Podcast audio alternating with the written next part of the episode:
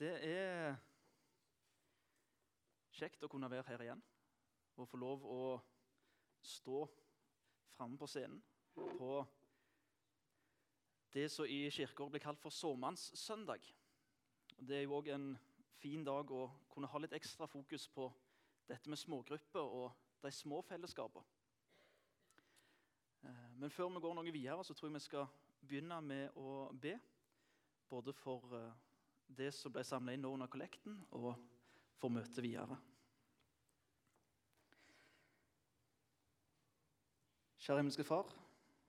Takk for at vi nok en gang kan samles om ditt ord her i Misjonshuset. Takk for at vi har ofte mer enn hva vi trenger, at vi kan få lov til å gi det videre til, til deg og til det arbeid som, som du vil vi skal gjøre, Herre. Jeg ber deg for de midlene som er samla inn nå. Må det tjene til det gode for ditt rike, Herre. Så ber jeg for møtet videre nå.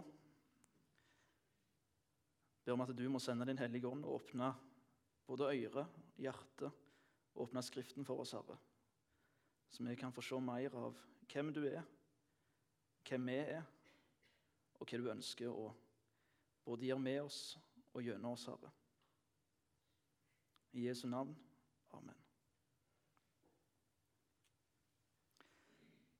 Det er smågruppefellesskap som står i sentrum. Og det er sårmannssøndag som er kirkeårets tittel på dagen. Eh, og utover i, i talen nå så kommer jeg til å bruke begrepet smågruppe. Men jeg bruker det mer som et samlebegrep for å slippe å hver eneste gang måtte si både forening, eh, bibelgruppe, cellegruppe, det som måtte være av sånne små fellesskap.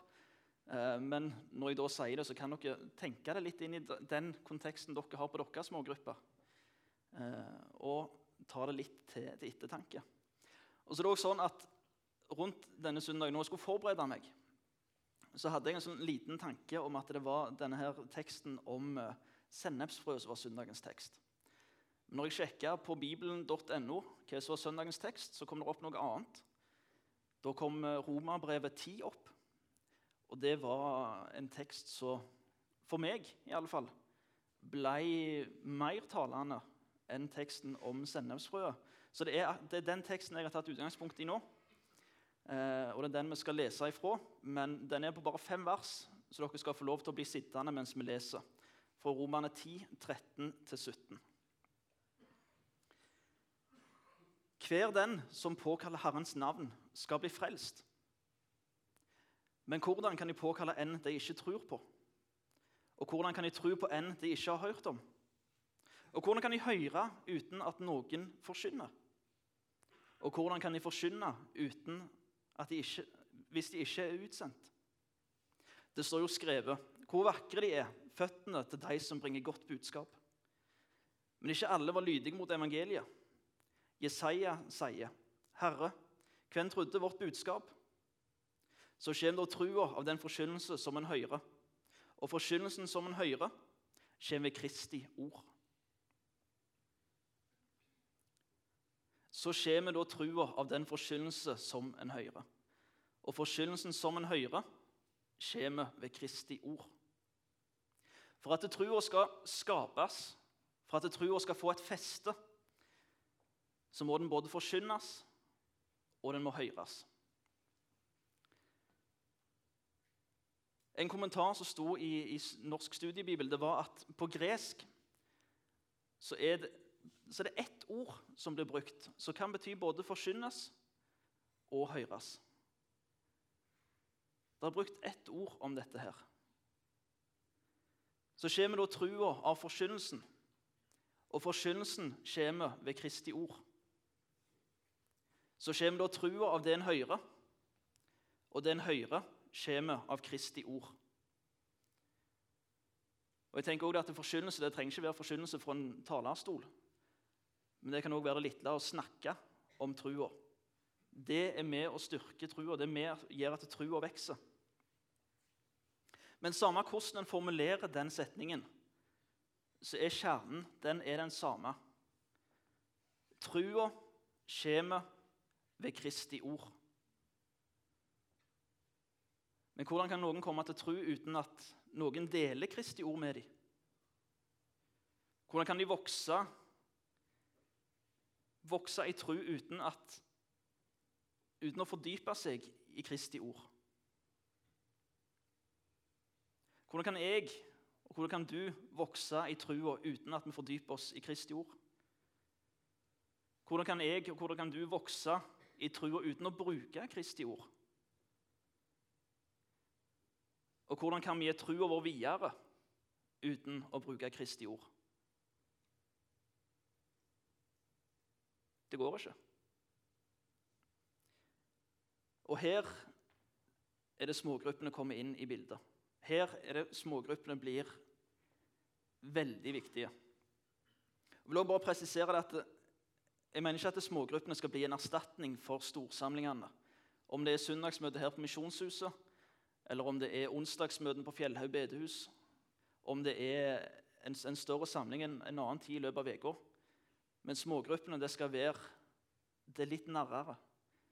der du får Der du får stille de spørsmålene du har. Der du kan snakke om det du tenker ut fra bibelteksten. Der du kan dele dine utfordringer, der andre kan dele sine. Og dere kan snakke i lag både om Bibelen og om livet. For det er, en, det er en grunnleggende forskjell på dette med smågrupper og et møte. På et møte så er det litt sånn som nå. Der er en som står og snakker, resten her sitter som en flokk passive tilskuere og sitter og tenker sitt, men får ikke gjort noe uttrykk for det før etterpå, kanskje. Mens i smågrupper, da er du en aktiv deltaker. Da får du være med og styre veien og legge litt opp til hva du ønsker å snakke om, hva du er opptatt av. Smågrupper gir deg en mulighet til å fordype deg i Kristi ord og til å bruke Kristi ord.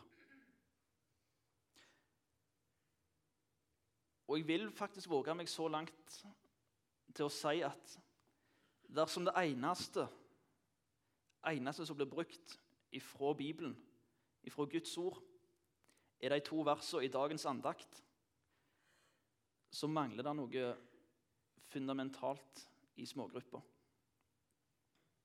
Bruk gjerne litt tid i lag i løpet av tida til å, å, snakke litt om hvordan turen til Irland var, eller hvordan uh, kjæresten til dattera er, eller de litt mer trivielle tinga om livet, om hva du har opplevd. Men bruk mesteparten av tida, bruk den viktigste delen på Guds ord og på livet med Jesus. Prinsippet med smågrupper Jakob nevnte en av dem. Der to eller tre er samla, der er Jesus midt iblant. Men i tillegg til det så kan vi finne hint til det langt tilbake igjen, helt tilbake igjen til, til andre Mosebok. Der eh, Moses har ført folket ut, og han er blitt en, en leder for et stort folk. Men alle kommer til han med sine spørsmål og sine utfordringer. Så må Moses bruke hver eneste ledige time av dagen til å undervise og svare på spørsmål og hjelpe folket. Og Så sier svigerfar til Jesus, Jetro Det fins smarte svigerfedre òg. Han sier det at det du driver på med, det er ikke smart. Det er ikke klokt, sier han i vers 17. Og så gir han Moses beskjed om å undervise folket. Og så skulle han se, seg ut noen dyktige til å lede små grupper. Og I disse gruppene der skulle undervisningen fortsette. Der skulle spørsmålet tas opp. Der skulle det gis hjelp når det var behov for det. Og De vanskeligste sakene de skulle Moses få ta seg av. Og Det er dette jeg mener er, er grunnlaget for ei smågruppe. Og Det er derfor Misjonshuset skal få lov til å drive med smågruppearbeid. For at vi kan komme med våre ting i et lite fellesskap, dele erfaringer, dele spørsmål, hjelpe hverandre til å finne svar på dem. Og når det er skikkelig store, vanskelige spørsmål, og der troskrisene kommer, det er da vi går til forsamlingslederen til Henrik. For at vi kommer til Henrik med hver eneste spørsmål vi har, så hadde han slutta lenge før han kan gjøre.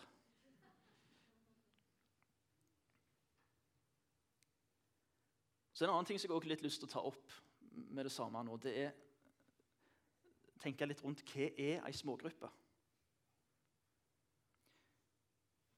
For helt sånn grunnleggende kan vi si at ei smågruppe det er en, en, liten samling av mennesker som ønsker å dele tro og liv og spørsmål og utfordringer. Men samtidig så kan ei smågruppe være mye mer enn det òg. En del av dere var gjerne på, på fellesmøtene for noen uker siden og hørte Øystein Gjerme. Han er grunnlegger og pastor i Salt Bergenskirken. Og Han har skrevet en bok som heter 'Tusen hjem'. Og Der så trekker han fram fem hensikter ei smågruppe bør oppfylle for å fungere godt. Og Først på den lista så har han oppbyggelse. At ei smågruppe skal sørge for en atmosfære og legge til rette for åndelig vekst. Utvikle disippelskap og ansvarlighet. At det skal være en plass til å utvikle og styrke trua. Og For det andre så har han tjeneste. At smågrupper er en plass der du kan utruste deg sjøl og andre til tjeneste for Gud. Til tjeneste for forsamlingen. Til tjeneste for naboene dine. For det tredje så har han evangelisering. At Smågrupper kan være en plass der du kan ta med en ikke-kristen og gi vedkommende en liten innføring i, i dette med kristen tro. Men det kan òg være en plass der dere har særlig fokus på et misjonsland. Særlig fokus på et, en misjonær eller en familie som er utsendinger. Og kunne ha et, et spesielt fokus på akkurat dem. Så trekker han òg inn lederutvikling. At smågrupper kan være en, en, fin plass til å se at du kunne gjort deg som leirleder. Eller at du Jeg tror du kunne gjort deg som møteleder. At det kan være en plass der du finner et, et Du ser gjerne en, lite, en liten ting i en av de som er i gruppa di. Du kan utfordre den på å ta seg en tjeneste i forsamlingen. Men kanskje ser du òg at den har noe som kan brukes på misjonsfeltet og kan komme med en utfordring der òg. Og Det femte han trekker fram, det er dette med omsorg. Omsorgen for mennesket det skjer best ved at hver enkelt deltar i et fellesskap der en bryr seg om hverandre. Og han sier at det fins ikke profesjonelle omsorgssystem som kan overgå enkeltmennesker som bærer hverandres byrde. Vi kan oppsummere og si at Smågrupper er en liten gruppe med, som møtes regelmessig for å utvikle det grunnleggende fellesskapet med hverandre og med Jesus.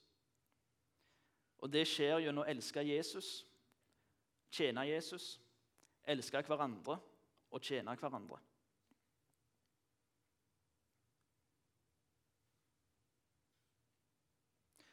Litt videre utover nå så vil jeg bruke tida på å fokusere litt på, på det tredje punktet som han, eh, Øystein Gjerme trakk fram. Dette med evangelisering. Det er tett knytta opp til vers 14 og 15 av det som vi leste i dag fra Romerne 10. Men hvordan kan de påkalle en de ikke tror på? Og hvordan kan de tro på en de ikke har hørt om? Og hvordan kan de høre uten at noen forkynner? Og hvordan kan de forkynne hvis de ikke er utsendt? Det står jo skrevet hvor vakre de er, føttene til de som bringer godt budskap.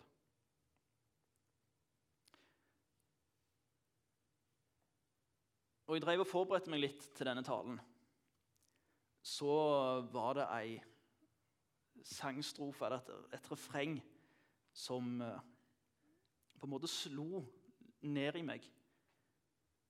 Og Jeg så det i bilen på vei hjem fra Gimlekollen fra jobb og skulle, skulle hjem til Slettheia. Og dette refrenget det, det, det sveiv i hodet på meg.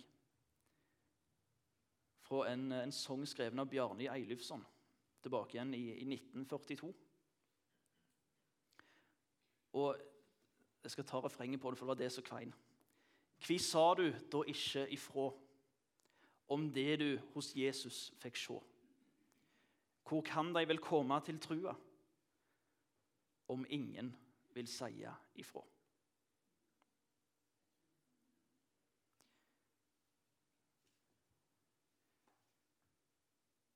Det er noen ord å tenke litt over. At vi som har fått Vi som har fått del i noe, hvorfor er vi ikke litt mer ivrige til å si ifra? Jeg kjenner iallfall på det sjøl at det er Jeg kunne gjort mye mer enn hva jeg gjør.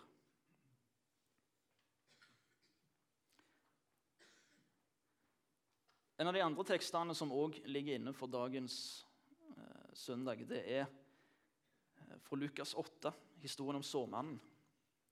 Jeg skal lese litt fra vers 5 til 8. En såmann gikk ut for å så kornet sitt. Og da han sådde, falt noe ved veien.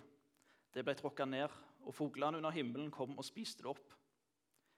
Noe falt på steingrunn, og det visna straks det kom opp, fordi det ikke fikk hvete. Noe falt blant tornebusker, og tornebuskene vokste opp sammen med det og kvalte det. Men noe falt i god jord, og det vokste opp og bar frukt, hele hundre ganger det som ble sådd. Og så I vers 11 så forteller Jesus oss at det såkornet, det er Guds ord. Og Han gir oss tolkningen av lignelsen. De ulike jordsmonn sammenlignes med ulike personer. Og Jeg tror òg det kan sammenlignes med ulike aspekt ved en enkeltperson. Ulike perioder i våre liv, kanskje. At det som falt ved veien, det kom i de periodene der vi prøvde å holde Gud litt på en armlengdes avstand og si at eh, 'jeg har ikke behov for deg akkurat nå'. Det treffer oss, men det får ikke trenge inn. Og Da er det bare å koste det vekk seinere.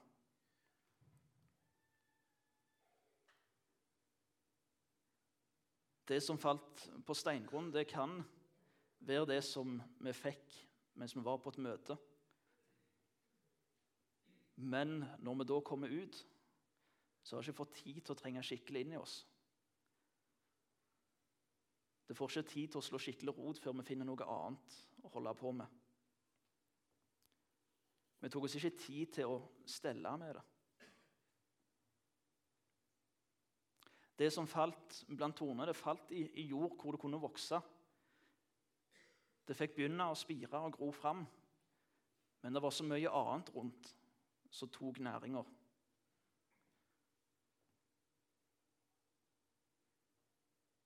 Kanskje er det sånn at vi ikke klarer å prioritere helt hva vi ønsker å ha fokus på.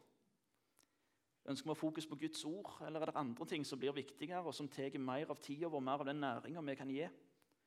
Om det er fotball, eller om det er jobb, om det er ferieturer, andre materielle goder.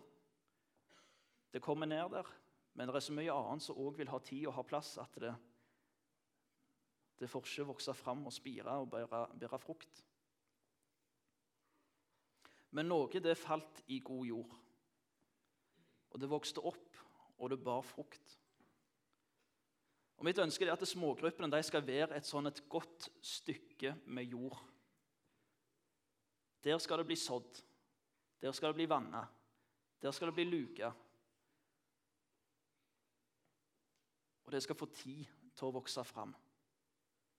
Det skal få tid til å bære frukt. Sånn at vi igjen kan få lov til å gi videre det som vi har blitt gitt. For hvordan kan de påkalle en de ikke tror på? Og hvordan kan de tro på en de ikke har hørt om? Og hvordan kan de høre om ingen forkynner? I synsbekjennelsen så sier vi 'Hellige Gud, himmelske Far'. Se i nåde til meg, syndige menneske, som har krenka deg med tanker, ord og gjerninger, og kjenner lysten til det onde i mitt hjerte. Kanskje skal vi òg våge å be Hellige Gud, himmelske Far, hjelp meg å forkynne deg med tanker, ord og gjerninger, og hjelp meg til å gjøre det gode. Og hvordan kan de forkynne om de ikke er utsendt? Er det sånn at vi trenger et ansettelsesforhold i NLM eller en annen misjonsorganisasjon for å forkynne Guds ord? Trenger vi å få en kallsopplevelse? Trenger vi å få et kallsbrev i hånda?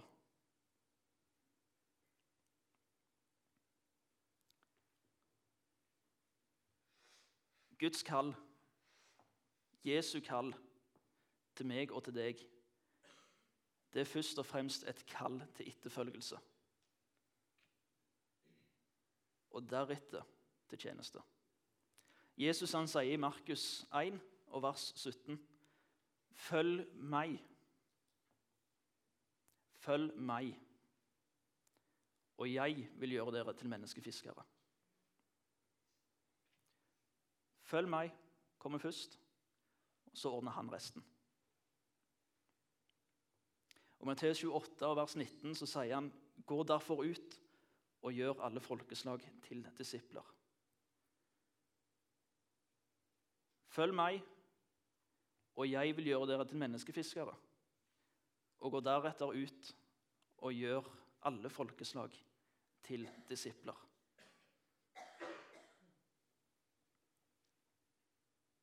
Vi skal få lov å følge Jesus han vil gi oss den utrustninga vi trenger for den tjenesten han har for oss. Så skal vi få lov til å føre andre til etterfølgelse av Jesus. Og hvor vakre de er føttene til de som bringer et godt budskap.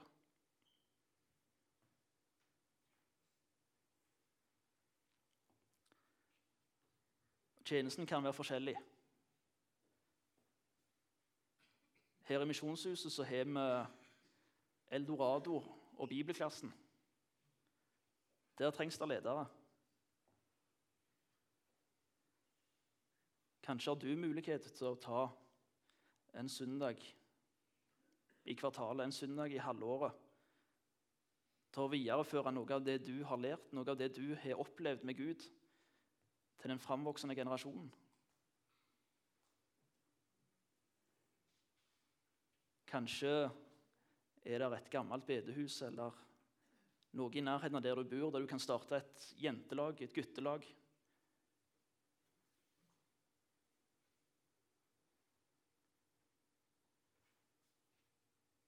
Der er en tjeneste som er for deg. Hva den tjenesten er, det vil jeg være opp til deg å finne ut av. Men bruk smågruppa di til å gjøre deg klar for den tjenesten. Kanskje kan ei forening ta ansvar i lag for noe.